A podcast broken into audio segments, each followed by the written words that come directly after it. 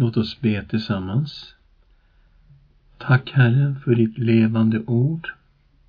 Tack för profeten Jesajas bok, inspirerad av dig och att vi idag ska få studera den sista delen av den här boken. Fyll oss, o Gud, med helig Ande. Öppna våra hjärtan och våra sinnen och tala till våra hjärtan. I Jesu Kristi namn. Amen. Ja, vi är verkligen i slutet av Jesajas bok. Vi har på i ett långt avsnitt som jag kallar för Babylonisk period med befrielse och hopp. Jesaja 40 till 66. Och vi håller på med den sista delen som vi har kallat för Nya Jerusalem och Gudsfolkets hopp. Jesaja kapitel 58 till 66.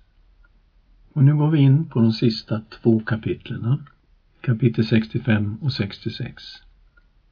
Vi har kallat den delen för Herrens dom och frälsning. Och vi börjar här i kapitel 65, vers 1. Och där vi möter en märklig tanke att Herren lät sig finnas av människor som inte frågade efter honom. Jag lät mig sökas av dem som inte frågade efter mig. Jag lät mig finnas av dem som inte sökte mig. Till ett folk som inte åkallade mitt namn sa jag, här är jag, här är jag. Så det innebär att Gud aktivt gjorde någonting för att visa sig för människor som inte sökte honom. Och i den här kapitlerna 65 och 66 kommer vi att möta att hedna folken har möjlighet att ta emot Herren till frälsning. Om Israel säger han i vers 2 Hela dagen har jag räckt ut mina händer mot ett trotsigt folk som vandrar den väg som inte är god, som följer sina egna tankar ett folk som ständigt kränker mig rakt i ansiktet. De bär fram offer i trädgårdar och tänder offereld på tegelaltaren. Här möter vi verser som aposteln Paulus tar upp i Romarbrevet kapitel 10. Och den första versen att Herren lät sig finnas av dem som inte sökte honom, det låter han syfta på hedningar som har funnit tron på Jesus Kristus. Och den andra versen, ja den låter han syfta på Israel. Vi ska gå dit och titta lite grann i Romarbrevet 10. Och vi är inne i ett avsnitt av Romarbrevet som handlar både om judar och hedningar och relationen däremellan. Och i nionde kapitlet fick vi lära oss att alla människor vare sig vi judar eller hedningar har möjlighet att få bli barmhärtighetens kärl. Kapitel 9, vers 24. Till att vara sådana har han kallat oss, inte bara från judarna utan också från hedna folken. Så säger han genom Hosea. Det som inte var mitt folk ska jag kalla mitt folk och den oälskade ska jag kalla min älskade och på platsen där det sades till dem, ni är inte mitt folk, ska det kallas den levande Gudens barn. Och det här gäller ju verkligen hedningarna som inte var Guds folk, men som nu får höra att de är Guds folk och den levande Gudens barn. Vers 27. Men Jesaja utropar om Israel, även om Israels barn, vore talrika som havets sand ska bara en rest bli frälst. Okej, okay, så här möter vi kvarlevan. De flesta av Israel kommer alltså inte att vända om och följa Herren, precis som vi möter genom hela Jesajas bok. Och just det här är ju ett citat ifrån profeten Jesaja. Att även om Israel var talrika som havets sand skulle bara en rest bli frälst. Och när vi går vidare till kapitel 9, vers 30, vad ska vi då säga? Jo, att hedningarna som inte strävade efter rättfärdighet vann rättfärdighet, den rättfärdighet som kommer av tro. Israel däremot, som strävade efter en lag som ger rättfärdighet, har inte nått fram till den lagen. Varför? För att de inte sökte rättfärdigheten genom tro, utan genom gärningar. De snubblade på stötestenen. Så som det står skrivet, se, jag lägger i Sion en stötesten och en klippa till fall. Den som tror på honom ska inte stå där med skam. Okej, okay, så hedningarna, de har fått finna Gud genom tron på Jesus Kristus. Och vad är det för innehåll i den här tron? Ja, i 10 och 6, men rättfärdigheten som kommer från tron säger Fråga inte ditt hjärta, vem ska stiga upp till himlen, alltså för att hämta ner Kristus? Eller vem ska stiga ner i avgrunden, alltså för att hämta upp Kristus från de döda? Vad säger den då? Ordet är dig nära, i din mun och i ditt hjärta. Alltså trons ord som vi predikar. För om du med din mun bekänner att Jesus är Herren och i ditt hjärta tror att Gud har uppväckt honom från de döda, ska du bli frälst. Med hjärtat tror man och blir rättfärdig. Med munnen bekänner man och blir frälst. Skriften säger, ingen som tror på honom ska stå där med skam. Här är ingen skillnad mellan jude och grek.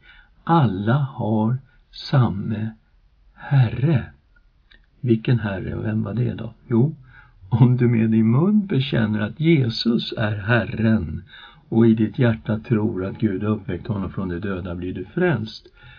Alla har samme Herre. Han heter Jesus. Och det är alltså den, vare sig du är jude eller hedning, som tror på Jesus Kristus, som blir frälst. Så nu kommer vi med det här i bakgrunden till de här verserna ifrån kapitel 65, vers 1. Och Jesaja går så långt att han säger Jag lät mig finnas av dem som inte sökte mig. Jag uppenbarade mig för dem som inte frågade efter mig. Det är hedningarna.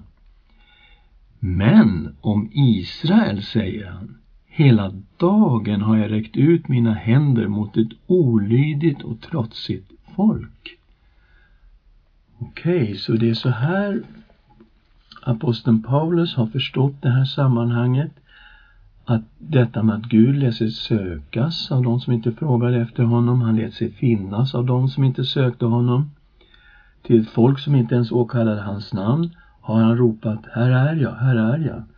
Och det syftar på att hedningarna nu får komma till Herren och i Nya Testamentet är det ju de får komma till Herren Jesus Kristus. Men om Israel då, hela dagen har jag räckt ut mina händer mot ett trotsigt folk som vandrade på den väg som inte är god, som följde efter egna tankar, ett folk som ständigt kränker mig rakt i ansiktet. De bär fram offer i trädgårdar och tänder offereld på tegelaltaren. De håller till bland gravar och tillbringar nätter i gömda nästen. De äter svinkött och har oren mat i sina kärn. De säger, och troligtvis säger de till Gud, håll dig undan, kom inte nära mig, för jag är heligare än du. Och det är ju en del svenskar som skulle säga så om Gud faktiskt idag. Och Gud säger, det är som rök för min näsa, en eld som brinner dagen lång. Så Israel hade hamnat i avguderi. De gjorde det som behagade dem själva och det här med att de hittade på sin egen religion, de blandade ihop saker och ting, de följde sina egna tankar, säger Gud. De ordnade offer i trädgårdar och tände offereld på tegelaltaren, alltså ingenting som Gud stod bakom. De hade sin egen religion och sina avgudar. Så Israel valde avgudar istället för Herren och Gud skulle låta domen drabba dem. Så här står det i 65, vers 6 och 7. Se, det står skrivet inför mig, jag tiger inte. förrän jag har gett dem vad de förtjänar, gett det i deras famn. För både deras egna missgärningar och deras fäders, säger Herren. För de tände offereld på bergen och hånade mig på höjderna. Jag ska mäta upp i deras famn lönen för vad de tidigare har gjort. Och det här med att man skulle få lön i sin famn, det var ju en, ett sätt att ta emot betalning i natura på den tiden. Och Gud säger domen kommer att mätas upp, vad de förtjänar.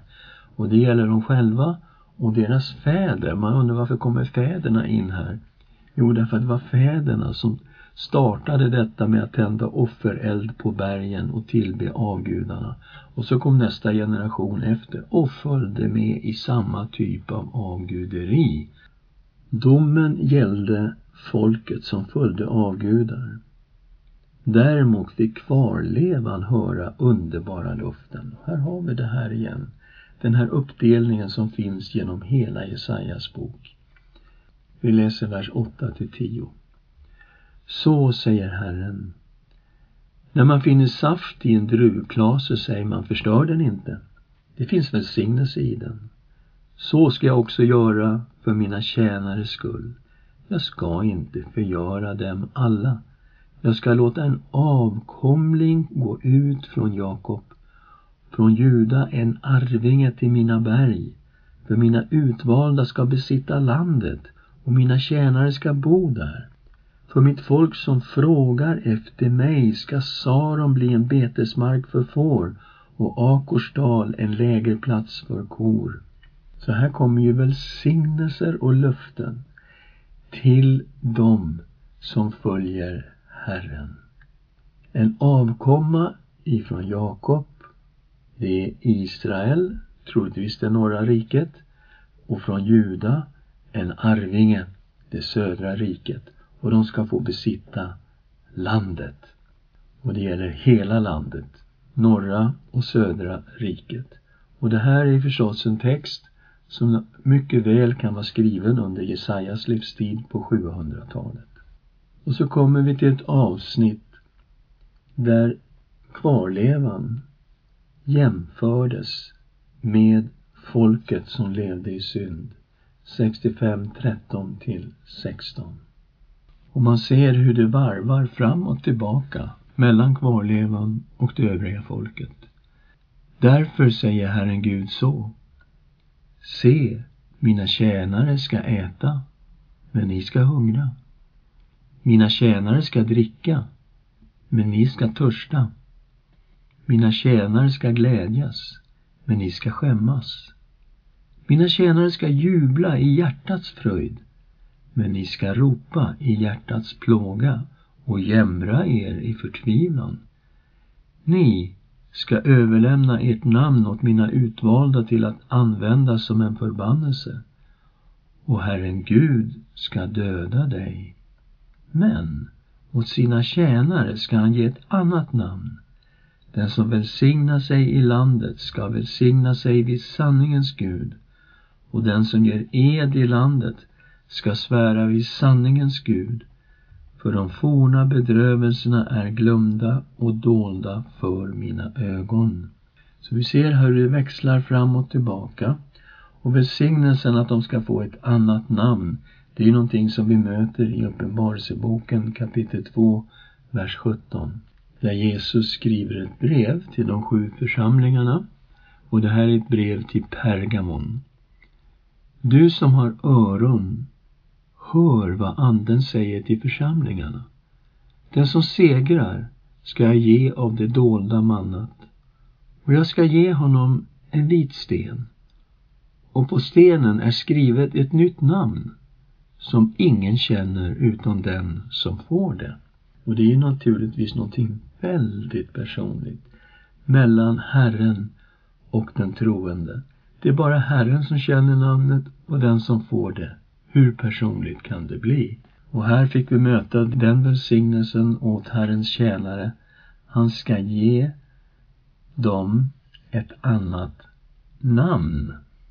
Och så kommer vi till de här fantastiska verserna om att Gud ska skapa en ny himmel och en ny jord. Och här är nya jorden och nya himlen väldigt nära kopplat till det nya Jerusalem. Det nya Jerusalem såg vi ju att det har sin uppfyllelse i Jesus Kristus. Det har sin uppfyllelse i Uppenbarelseboken kapitel 21. Det himmelska Jerusalem, det Jerusalem som kom ner från himlen som en brud som var Lammets hustru och Lammets hustru är ju församlingen. Och det ska bli en bröllop mellan församlingen och Kristus. Så allt det här som vi läser om här är väldigt starkt kopplat till Kristus och uppfyllelsen i det nya förbundet. Herren ska skapa ett nytt Jerusalem. Kapitel 65, vers 17 till 25. Och vi läser vers 17 till 19. Se, jag skapar nya himlar och en ny jord. Och man ska inte mer minnas det förgångna eller tänka på det. Nej, fröjda er och jubla för evigt över det som jag skapar. För se, jag skapar Jerusalem till jubel och dess folk till fröjd. Jag ska jubla över Jerusalem och fröjda mig över mitt folk.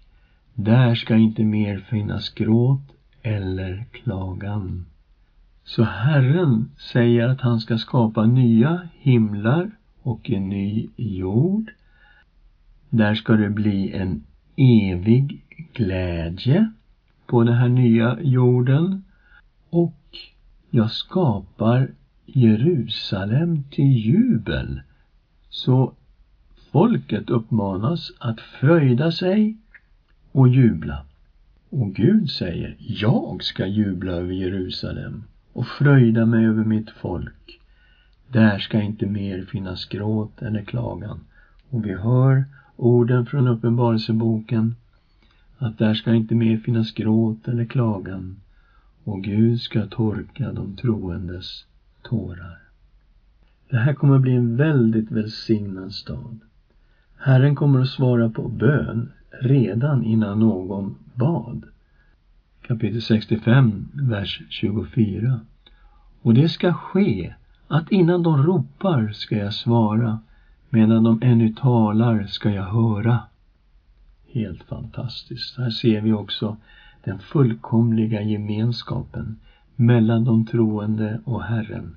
Det är som ett samtal. Det är bön som pågår, men det kommer ju svar samtidigt och innan till och med. Och här möter vi någonting som liknar paradiset. I vers 25. Vargar ska beta med lamm. Lejon ska äta halm som oxar. Och stoft ska vara ormens föda. Ingenstans på mitt heliga berg ska de göra något ont eller skadligt, säger Herren.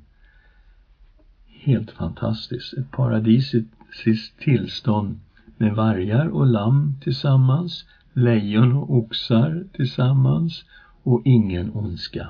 Och det är precis det som vi läste om i Jesaja kapitel 11 om telningen från Davids släkt, Davids son. Över honom skulle Herrens ande komma och han skulle skapa ett rike som liknar själva paradiset.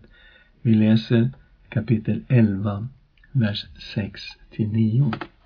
Vargar ska bo tillsammans med lamm, leoparder ligga bland killingar. Kalvar och unga lejon och gödboskap ska vara tillsammans och en liten pojke ska valla dem. Kor och björnar ska gå och beta. Deras ungar ska ligga tillsammans och lejon ska äta halm som oxar. Ett spädbarn ska leka vid huggormens håla. Ett avvant barn räcka ut handen mot giftormens öga. Ingenstans på mitt heliga berg ska man göra något ont eller förstöra något, för landet ska vara fullt av Herrens kunskap, liksom vattnet täcker havet. Och det här är då det underbara rike som Davids son ska skapa. Och här har vi nu en beskrivning av Jerusalem, det nya Jerusalem, som ska bli så välsignat. Och den här nya himlen och den nya jorden och det nya Jerusalem, hur blir det med templet? Ja, vi vet i Uppenbarelseboken kapitel 21 att det fanns inte något tempel där därför att Herren Gud och Lammet var templet. Hur är det här då? Kapitel 66, vers 1 och 2. Så säger Herren, himlen är min tron och jorden är mina fötters pall. Vad för ett hus kan ni bygga åt mig? Vad för en plats där jag kan vila? Allt detta har min hand gjort. Så blev det till, säger Herren. Jag ser den som är betryckt och har en förkrossad ande som fruktar mitt ord. Okej, okay, här har vi kvarlevan igen. Herren ser de här som fruktar hans ord, som är förkrossade och betryckta. Och han bor ibland dem. Han bor i himlen, ja, men han bor också bland dem. Kapitel 57, vers 15. Så säger den höge och upphöjde, han som tronar för evigt och heter den helige. Jag bor i det höga och heliga, men också hos den som är förkrossad och har en ödmjuk ande för att ge liv åt de ödmjukas ande, för att ge liv åt de förkrossades hjärtan. Så, det är det här vi möter. Gud finns i himlen, men han finns också hos sin kvarleva, de som tror och följer honom. Och det är möjligt att den här texten syftade på människor i Jerusalem som hade sin trygghet i templen och sa Gud kommer aldrig att döma den här staden därför att templet står ju här. Gud bor ju här mitt ibland oss. Det är intressant att se att Stefanus citerade just den här texten och han sa att Herren inte ens bodde i Salomos tempel för ingen människa kunde bygga ett tempel som rymde Gud. Vi går till Apostlagärningarna kapitel 7 och vers 47. Men det blev Salomo som byggde ett hus åt honom. Den högste bor dock inte i hus som är byggda av människohand. Profeten säger, här kommer vårt citat ifrån Jesaja 66. Himlen är min tron och jorden är min fotapall. Vad för ett hus kan ni bygga åt mig, säger Herren, eller vad för en plats där jag kan vila? Har inte min hand gjort allt detta? Så, det är öppen fråga. Kommer det att finnas ett tempel här i den, på den nya himlen och den nya jorden som Gud skapar? Kapitel 66, vers 3 och 4. Herren talar ut mot folkets synd. Israel hade valt att gå sina egna vägar och de hade sin glädje i sina synder. Herren hade ropat på dem, men det var ingen som svarade. 66, vers 3. Den som slaktar en oxe är som en som dödar en människa. Den som offrar ett lamm är som en som bryter nacken på en hund. Den som bär fram matoffer är som en som bär fram svinblod. Den som offrar rökelse är som den som hyllar en avgud. De har valt att gå sina egna vägar och ha sin själs glädje i sina vidrigheter. Så de blandade det som hörde till Herren med avgudaoffer. De tog lite och skapade sin egen religion. Som Gud sa, de har valt att gå sina egna vägar och har sin själs glädje i sina vidrigheter. Vers 4. Därför ska också jag välja deras ofärd och låta det de fruktar drabba dem. För jag ropade, men ingen svarade. Jag talade, men ingen lyssnade. De gjorde det som var ont i mina ögon. De valde det och misshagade mig. Och det här sista, det är någonting som vi möter i kapitel 65, vers 12 också, likadant. För ni svarade inte när jag kallade. Ni lyssnade inte när jag talade. Ni gjorde det som var ont i mina ögon och valde det som misshagade mig. Men när det gäller det nya Jerusalem, där skulle de troende finnas och där skulle Gud välsigna. Herren skulle välsigna Jerusalem. Kapitel 66, vers 5 till 14. Och Herren talade till kvarlevan, de som är definierade så att det är de som fruktar hans ord. Herrens röst hördes från templet, står det i 66 och 6. Och det innebar ju troligen att templet måste ha stått där och att det här mycket väl kan vara skrivet under profeten Jesajas livstid. Och Gud skulle välsigna sin kvarleva som en mor tog hand om sin bebis. Vi läser vers 12 och 13. För så säger Herren. Se, jag leder frid till henne som en flod och folkens härlighet som en översvämmande älv. Ni ska få dia och bli burna på höften och sitta i knät och bli smekta. Som en mor tröstar sitt barn, så ska jag trösta er. I Jerusalem ska ni få tröst. Och här har vi detta att kvarlevan, gudsfolket, var som bebisar och Gud tog hand om dem, hade omsorg om dem, precis som en mor har omsorg av sin lilla baby. Och det ska komma massor med välsignelser. Herren leder frid till Jerusalem som en flod och folkens härlighet som ska komma över Jerusalem som en översvämmande älv. Fantastiska välsignelser. Men hur går det då med folken? Ja, Herren ska döma alla folk. Det finns en kvarleva här och vi kommer snart att möta också bland hedningarna finns det en kvarleva människor som har tagit emot Herren och som följer honom. Men för folket i övrigt i hela världen kommer det en dom. I kapitel 66, vi läser vers 14 till 16. I slutet av vers 14. Herrens hand ska bli känd för hans tjänare, det är kvarlevan. Men hans fiender får känna hans vrede. Det är det övriga folket, de som inte har vänt om. Vers 15. För se, Herren ska komma med eld och hans vagnar är som en stormvind. Han låter sin vrede drabba med hetta och sitt straff med eldslågor.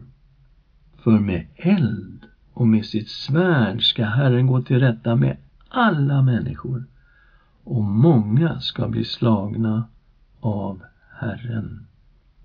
Och här möter vi ordet eld flera gånger och att det gäller en dom över alla människor.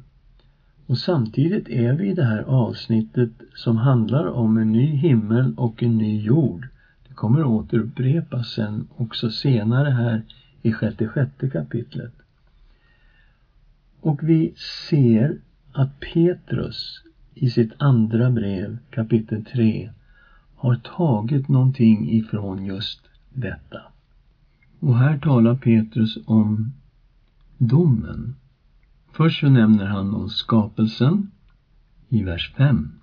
De bortser medvetet ifrån att det för länge sedan fanns himlar och en jord som uppstod ur vatten och genom vatten i kraft av Guds ord. Det är den första skapelsen. Det är den vi möter i Första Mosebok kapitel 1. Men sen kommer han till Noas flod, vers 6. Genom vatten och Guds ord dränktes den dåtida världen och gick under. Men de himlar och den jord som nu finns har genom samma ord sparats åt eld och bevarats fram till den dag då de gudlösa människorna ska dömas och gå under. Men en sak får ni inte glömma, mina älskade, för Herren är en dag som tusen år och tusen år som en dag. Herren dröjer inte med att uppfylla sitt löfte, så som en del menar.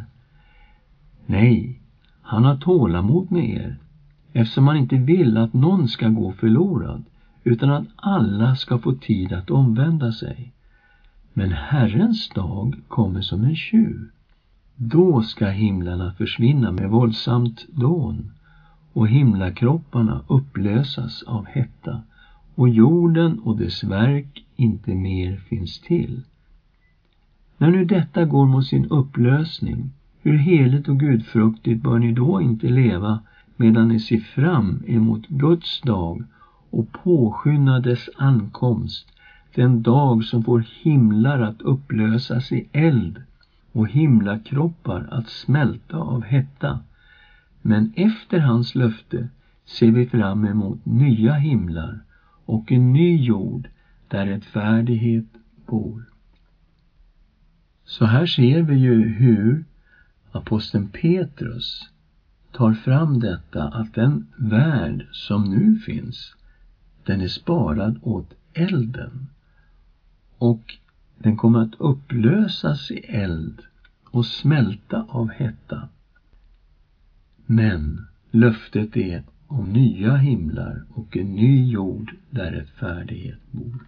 Och allt detta kommer ju ifrån det här sammanhanget som vi studerar just nu i kapitel 65 och 66 av Jesajas bok. Där vi läste Herren ska komma med eld, hans vagnar är som en stormvind. Han låter sin vrede drabba med hetta och sitt straff med eldslågor. För med eld och med sitt svärd ska Herren gå till rätta med alla människor och många ska bli slagna av Herren. Och det här är också någonting som vi ser i Uppenbarelseboken när det handlar om den slutliga domen. Där är också eldstemat med. I kapitel 20 läser vi om Eldsjön. Där ska djävulen få sitt straff. Kapitel 20, vers 10. Och djävulen som hade förlett dem kastades i sjön av eld och svavel, där också vilddjuret och den falske profeten är och det ska plågas dag och natt i evigheters evighet. Men också den slutliga domen finns ju detta med. Eh, vers 11. Och jag såg en stor vit tron och honom som satt på den. För hans ansikte flydde jord och himmel och det fanns ingen plats för dem. Jag såg de döda, stora och små, stå inför tronen. Böcker öppnades och ännu en bok öppnades, Livets bok. Och de döda dömdes efter sina gärningar, efter det som stod skrivet i böckerna. Och havet gav igen de döda som fanns i det, och döden och helvetet gav igen de döda som fanns i dem, alltså helvetet här i Hades, dödsriket. Och var och en dömdes efter sina gärningar. Och döden och helvetet kastades i Eldsjön. Detta, det vill säga Eldsjön, är den andra döden. Och om någon inte fanns skriven i Livets bok kastades han i Eldsjön. Okej, okay, så här var det helt avgörande om människor hade tagit emot Jesus Kristus som sin Herre och Frälsare eller inte. Och så kommer vi nu till en slutuppgörelse kan man säga. Och det, det som gäller då, det är räddning eller dom för alla. Kapitel 66, vers 18 till 24. Och först kommer vi till det positiva, kvarlevan. Jag känner deras gärningar och deras tankar. Den tid kommer då jag ska samla alla folk och språk och de ska komma och se min härlighet. Okej, okay, så här gäller verkligen alla människor. Gud kommer att samla alla inför sig och de ska se hans härlighet. Det här är ett språk som vi mötte i början av trösteboken i kapitel 40 där vi såg Johannes döparens kallelse, han som var sänd för att bana väg för Herren som skulle komma på besök. Och i 45 ser vi Herrens härlighet ska uppenbaras. Alla människor ska se det tillsammans, för Herrens mun har talat. Och här ser vi nu hur Herren ska samla alla folk och språk och det ska komma och se min härlighet. Jag ska sätta ett tecken bland dem. Några av dem som blir räddade ska jag sända som budbärare till hedna folken. Okej, vilka är dem här? Det är inte helt klockrent. Kan vara kvarlevan som ska sändas ut som budbärare till alla hedna folk. Men det kan också vara några ur alla de här folken och språken som samlas inför Herren och som ser hans härlighet. Att det är några av hedningar som har kommit till tro på Herren som ska sändas ut som budbärare till hedna folken. Vi hör Jesus missionsbefallning här där han sänder ut lärjungarna till alla folk i Matteus 28, 18-20. Det här är ju väldigt kända verser för oss men eh, vi läser ändå. Då trädde Jesus fram och talade till dem och sa Åt mig har getts all makt i himlen och på jorden. Gå därför ut och gör alla folk till lärjungar. Döp dem i Faderns och Sonens och den helige Andes namn och lär dem att hålla allt som jag befallt er och se, jag är med er alla dagar till tidens slut. Och här står det i Jesaja kapitel 66 och vers 19 Några av dem som blir räddade ska jag sända ut som budbärare till hedna folken, till Tarshish, till Pul och Lud, bågskyttefolken, till Tubal och Grekland, till kustländerna i fjärran, som inte har hört talas om mig eller sett min härlighet. Okej, okay, så de här kommer med ett budskap om Herren till alla folk och budskapet är kopplat till att man ska se Herrens härlighet. De ska förkunna min härlighet bland hedna folken. Oj! Och jag tror att det är ändå värt att nämna här att Paulus använder ett uttryck som ligger väldigt nära det här i Andra Korinthierbrevet. Han säger i Andra Korinthierbrevet 4 och 4 Den här världens Gud har förblindat de otroendes sinnen så att de inte ser ljuset som strålar från evangeliet om Kristi härlighet, han som är Guds avbild. Och det här är ett fantastiskt namn på evangeliet. Vad är det för någonting vi talar om? Vi talar om Kristi härlighet och vem är han? Han är Guds avbild. Och här får vi lära oss att de här som är utsända till hedna folken, de ska förkunna min härlighet bland hedna folken. Vers 20. Det ska som en offergåva åt Herren föra ut alla era bröder från alla hedna folk på hästar, vagnar, kärror, på mulåsnor, dromedarer upp till mitt heliga berg i Jerusalem, säger Herren, på samma sätt som Israels folk för fram offergåvor i rena kärl till Herrens hus. Så, de här hedningarna som har kommit till tro på Herren, de ska se till att judar, att israeler kommer då till Jerusalem från alla möjliga folk och de kommer presentera det här till Herren som en offergåva. Ungefär som Israels folk bär fram offergåva åt Herren i templet. kommer en mycket intressant vers 21 och några av dem ska jag ta till mina präster, till mina leviter, säger Herren. Okej, okay, vilka är dem? Det kan vara kvarlevan, men det kan lika gärna vara hedningar som har kommit till tro på Kristus och som nu tillhör Guds folk. Och det är helt fantastiskt. Det är här i nya förbundet. I nya förbundet har vi ett allmänt prästadöme och några av de här hedningarna, tror jag det är som är troende, ska jag ta till mina präster, till mina leviter, säger Herren. För, liksom de nya himlarna och den nya jorden som jag skapar blir bestående inför mig, så ska era efterkommande och ert namn bestå, säger Herren. Okej, okay, den nya skapelsen som Gud gör. Han skapar det nya Jerusalem, han skapar nya jorden, nya, him nya himlarna. Ert namn ska bestå på samma sätt, säger Herren. Så det handlar om en evig frälsning över alla dem som har vänt om och som följer Herren. Och det gäller alla. Och nymånadsdag efter nymånadsdag, sabbatsdag efter sabbatsdag ska alla människor komma och tillbe inför mig, säger Herren. Så det här gäller hedningar och judar. Alla är välkomna att omvända sig till Herren och följa honom. Och då är vi rakt inne i Nya testamentet där vi ser detta med kvarlevan bland judarna och den här gruppen som har kommit ut ur hedna folken och som nu finns tillsammans med de troende judarna i ett Guds folk.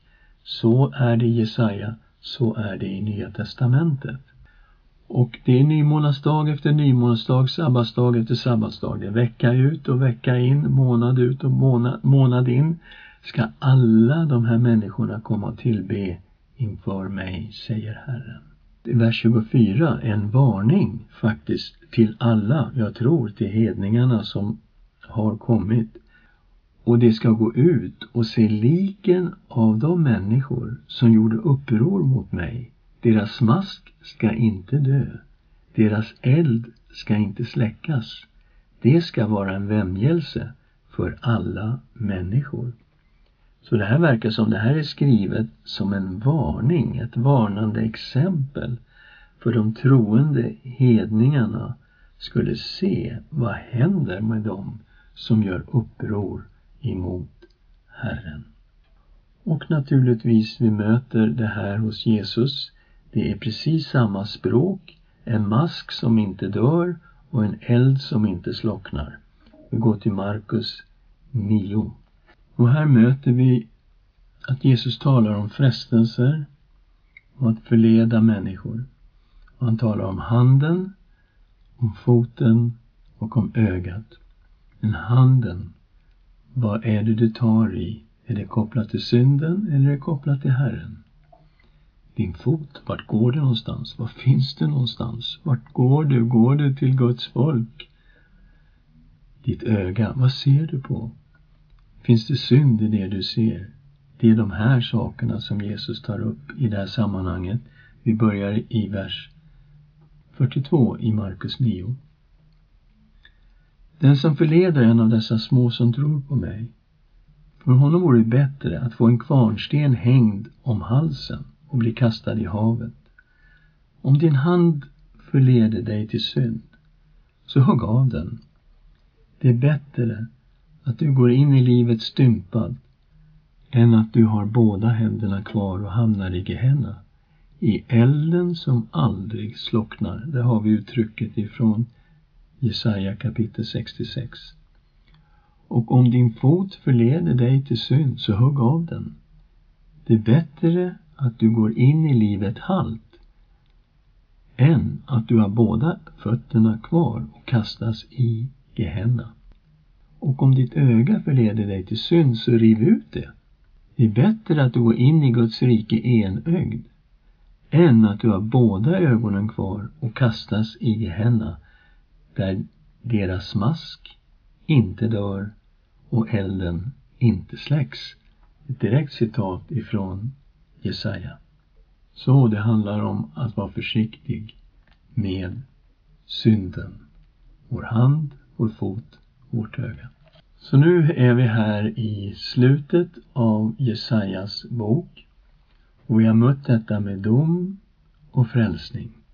Vi har mött detta med att Gud skapar nya himlar och en ny jord som är direkt kopplad till det nya Jerusalem. Och vi har sett hur det nya Jerusalem är uppfyllt i det himmelska Jerusalem i Uppenbarelseboken kapitel 21 och där den staden kallas för Lammets hustru, som bruden som är smyckad för ett bröllop. Och det är bröllopen mellan Kristus och hans församling. Så vi ser hur allt detta är så nära sammanknippat med det nya förbundet i Jesus Kristus. Vi har också mött här hur kvarlevan får höra oerhörda välsignelser. Och till och med alla hedna folk har möjlighet att ta emot frälsning och tro på Herren och följa Herren. Men här finns den andra delen av folket och här finns alla andra människor som är under Guds dom om de inte omvänder sig och tar emot Herren. Och för att tala nytestamentligt språk, tar emot Jesus Kristus som sin Herre och Frälsare. För om du med din mun bekänner att Jesus är Herren och i ditt hjärta tror att Gud har uppväckt honom från de döda, då blir du frälst. Låt oss be tillsammans. Tack Herre för ditt levande ord. Vi tackar dig för de underbara löftena som du har gett här. Vi hör också varningarna som kommer ifrån dig, vad som händer om vi vänder oss bort ifrån dig. Så Herre, dra oss, dra oss till ditt hjärta och ge oss nåd att följa dig av hela vårt hjärta. I Jesu Kristi namn. Amen.